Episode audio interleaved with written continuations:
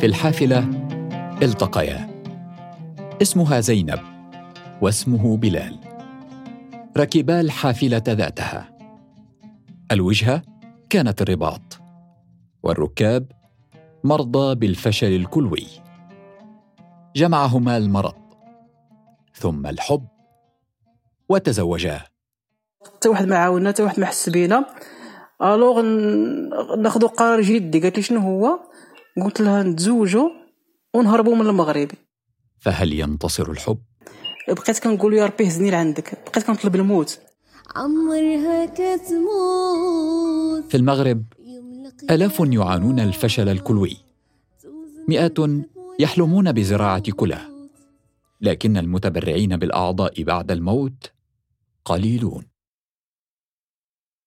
في هذه الحلقة حكاية زينب وبلال. ورحلة بحث عن كليتين. من فاس إلى اسطنبول. هروب وألم. وصراع مع المرض وأحكام المجتمع. هذا بودكاست فصول. في الإعداد عبد العالي الزهار وأنا أحمد خير الدين. معا نروي فصول الحكاية.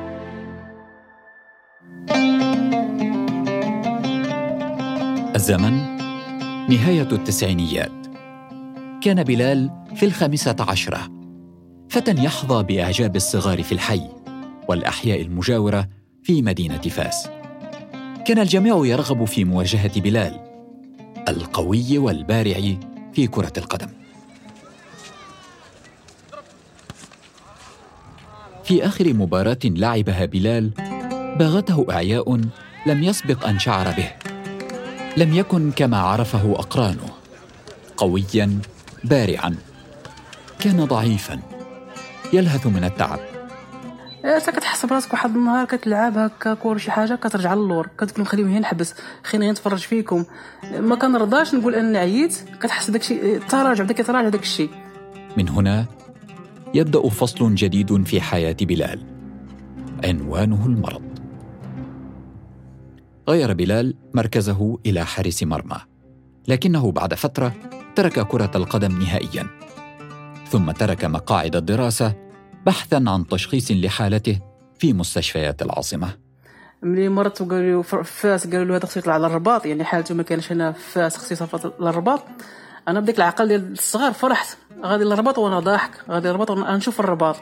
غادي للرباط وأنا غادي لواحد المصير خايب بزاف طلعت معايا الوالدة والوالد.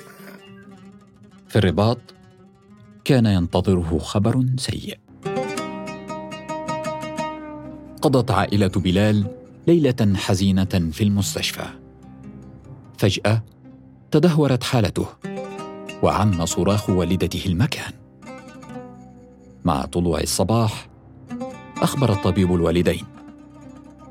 ابنهما يعاني من فشل كلوي حاد. كان عليه أن يتقبل واقعه الجديد. سيلازمه هذا المرض مدى الحياة.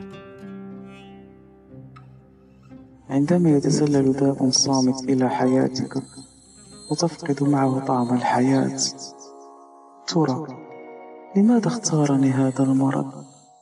كم أتمنى أن تعود الأمور كما كانت عليه من قبل؟ خمسة عشر عاما عاشها بلال مع المرض. صار الفتى شابا بعمر الثلاثين. صبورا حمولا الإبر يدخلها في ذراعه بنفسه عند جهاز غسيل الكلى. في مركز غسيل الكلى ذاته وعلى كرسي للعلاج قريب من كرسي بلال حيث جلس ثلاث مرات في الأسبوع كانت تجلس زينب شابة من فاس مريضة أيضا بالقصور الكلوي. قضت زينب ثلاث سنوات منذ تشخيصها بالمرض وهي رافضة لتقبل فكرته. بالكاد اعتادت على جلسات غسيل الكلى. كنت كنقول يا ربي نموت ونتهنى صافي حياتي ضاعت وأنا ضاعت وكل شيء علاش لأنهم قتلوني غير بالدوايات قبل اكتشاف إصابتها بالمرض كانت زينب طاهية محترفة. تحلم بموقع في أفخم البواخر السياحية. لكن المرض عطل حلمها. كنت كنحماق على الطبخ كيعجبني بزاف ودرتو خديت الدبلوم ديالي وخدمت ودرت les stages بزاف في, les hôtels فاس. لثلاث سنوات كانت زينب تجلس على مقعد العلاج في المركز ذاته مشغولة بهموم المرض والأحلام المؤجلة. لم تلتقي زينب بلال حتى كان اللقاء في حافلة. نظم مركز علاج الكلى رحلة إلى حديقة الحيوانات.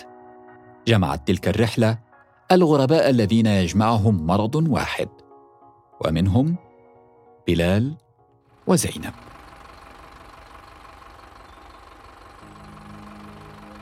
في يوم الرحلة كانت زينب متأخرة عن موعد انطلاق الحافلة. طالب بعض ركاب السائق بالانتظار. صديقتهم زينب متأخرة تائهة بين الحافلات. أخرج بلال ذراعه من شباك الحافلة متململا. الساعة ولا كتبان لي واحد البنت غاديه تالفه بين الكيران آه، بين الحافلات كتقلب؟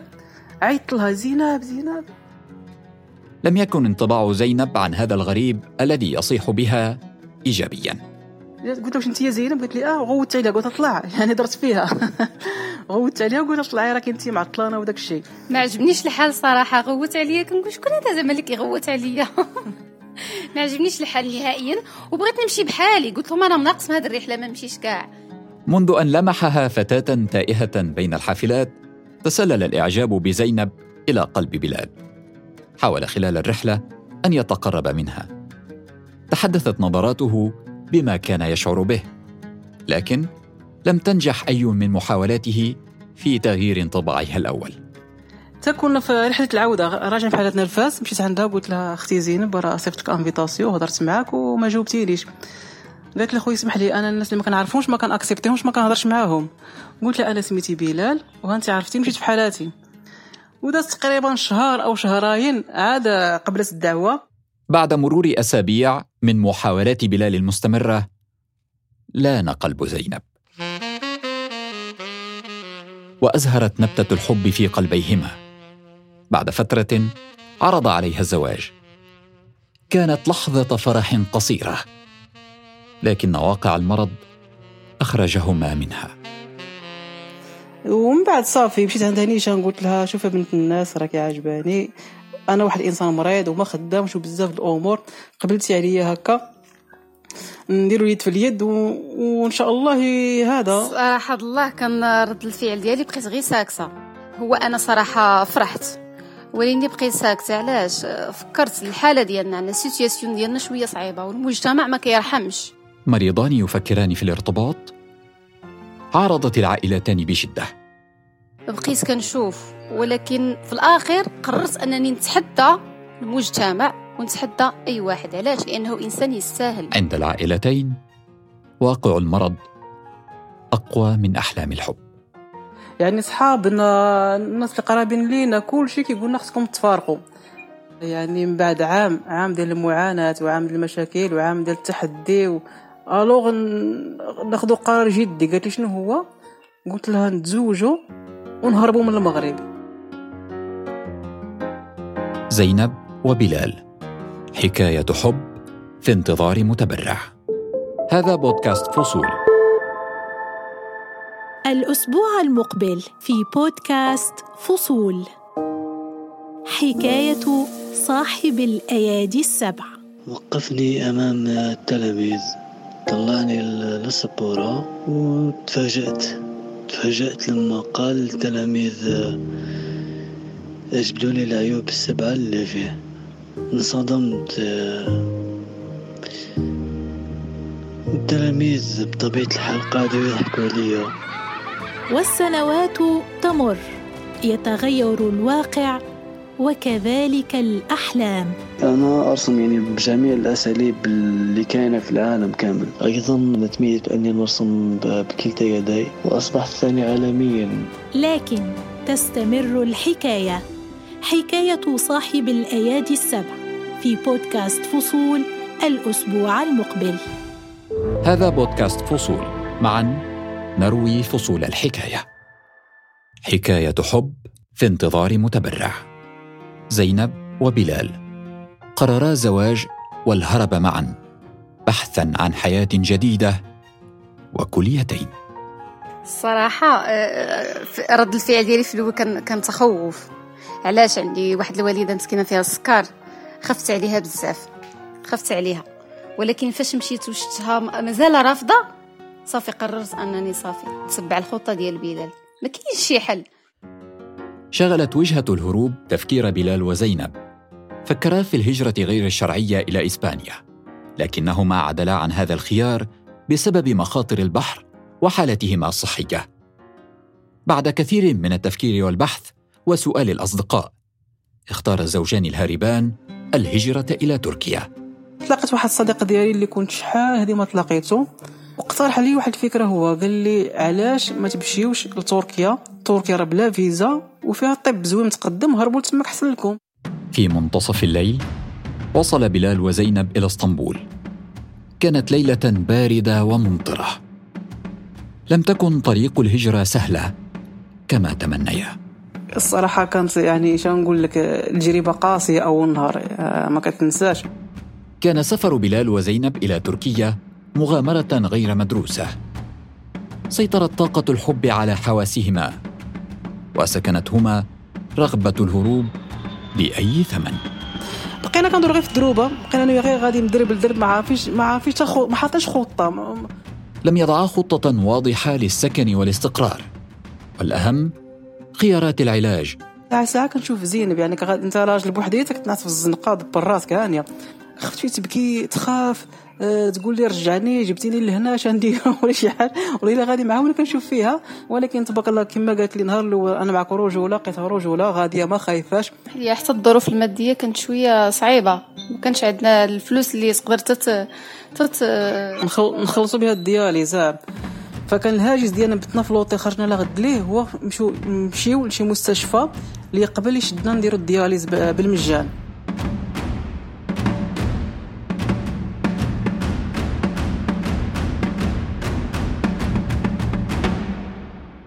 مرت ثلاثة أعوام وبلال وزينب لا يزالان في تركيا. ينتظران كليتين لزراعة قد لا تأتيان أبدا. مرت الأعوام بصعوبة. كان العلاج مكلفا والحمل ثقيلا والحنين إلى الأهل في فاس يزداد يوما بعد يوم. فوق ما ندفعوا الدوسي كي كيترفض العام الأول العام الثاني والعام الثالث. قلت لزينب قلت لزينب أنا ما بقاش هنا في هذه البلاد. إلا كان غير ال dialyse كنديرو ال dialyse نرجع للمغرب ندير ال dialyse على ما يحل الله. ما قدرتش نهائيا نزيد قلت للبلال أنا ما جلست نهار هنايا. صافي اللي درتيه هو هذاك. بغيتي نرجعو صافي نرجعو. والله ما المغرب بعدا بلادنا. تواصل الزوجان الهاربان مع عائلتيهما. رقت القلوب. وبعد أن يئس بلال وزينب من جدوى رحلتهما العلاجية التي طالت أكثر من ثلاث سنوات قررا العودة إلى المغرب. رجعنا عاوتاني نفس الشيء. كيما سافرنا تركيا بلا ما خبرنا الأهل ديالنا رجعنا للمغرب بلا ما قلنا حتى شي واحد. فرجعنا ومشينا للدار البيضاء كازا وكرينا واحد البريطمه صغيرة.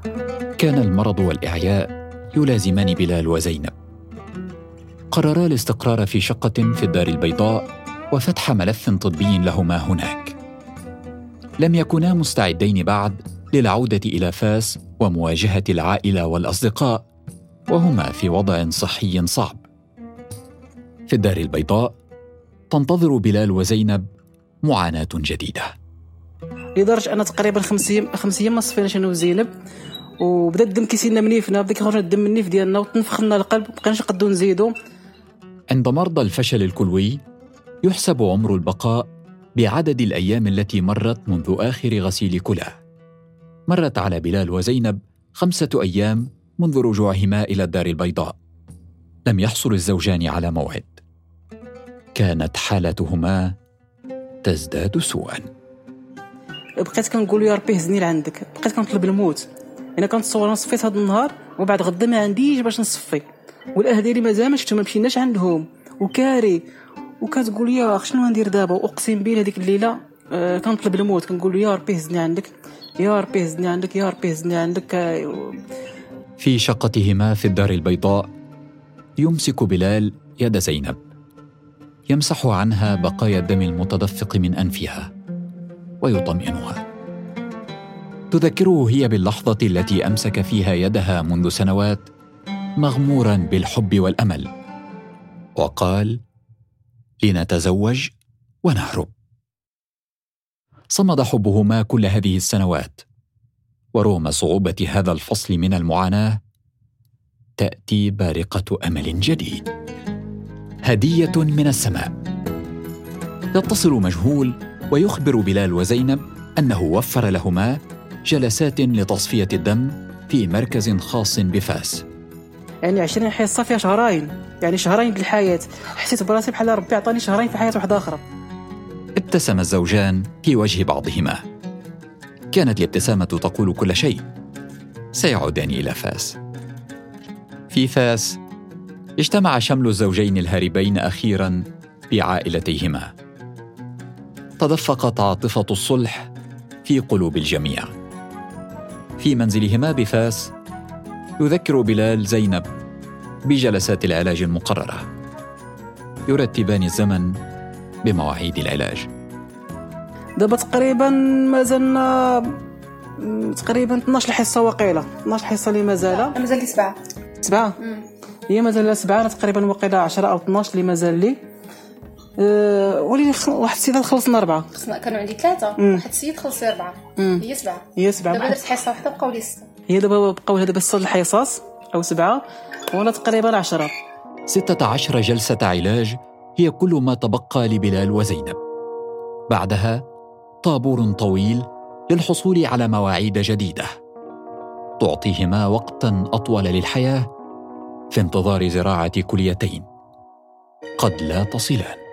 المشكل الزراعة دابا حاليا في المغرب هو ما ما كاينش متبرعين حنا الثقافة ما عندناش يعني ملي كيموت شي شاب أو شي حاجة في المحكمة كيقولوا شي ولدك يتبرع بكلوه كتقول لا دفنوه هكاك في المغرب ينتظر اليوم 7500 مريض يعانون من الفشل الكلوي ويحتاجون إلى عمليات تصفية دم دورية. هذا ما يقوله رئيس جمعية الرحمة لمرضى القصور الكلوي ياسين العلمي. آخر إحصائية تشير إلى أن هناك حوالي 32 ألف مريض آه، يخضعون لحصص التصفية كما أن هناك حوالي نصف مليون آه، مريض بأمراض الكلى آه، مرشحون للوصول إلى المرحلة الأخيرة يجعل العديد من المرضى ينتظرون في لوائح الانتظار. كذلك هناك مشكل كبير في آه، مسألة التبرع بالأعضاء لأن القانون المغربي يلزم أن الذين يريدون التبرع لأحد أفراد من عائلتهم أن يكون من الدائرة المقربة من يعني من عائلته. في مركز تصفية الكلى يشارك الزوجان طاقة الحب التي اشتعلت في قلبيهما مع عشرات المرضى. كنمشي لجهاد الأطفال مرضى السرطان وكناخذ رخصه الزياره لهم وكندير المرضى يشوفوا أطفال مرضى السرطان ملي كيشوف واحد مسكينة مريضة صغيرة وشعرها طايح كيقول كيحمد الله. كيشوف واحد آخر ما كيمشيش بالشيميو ولا شي حاجة كيحمد الله. بهاد الأنشطة هذه كنت عند المرضى كنخليهم يعني يحمدوا الله ويقولوا هذا المرض ما يوقفناش حياتنا ونتقاتلوا مع الوقت. بلال وزينب. ما زالا يعيشان في فاس. يزرعان الأمل والحب وينتظران زراعة كليتين هذه تحيات عبد العالي الزهار وأنا أحمد خير الدين. دمت في صحة وعافية. بودكاست فصول. نروي معا فصول الحكاية. اشترك في الحرة بودكاست على أبل بودكاست وجوجل بودكاست. وتابعنا على سبوتيفاي يوتيوب وساوند كلاود.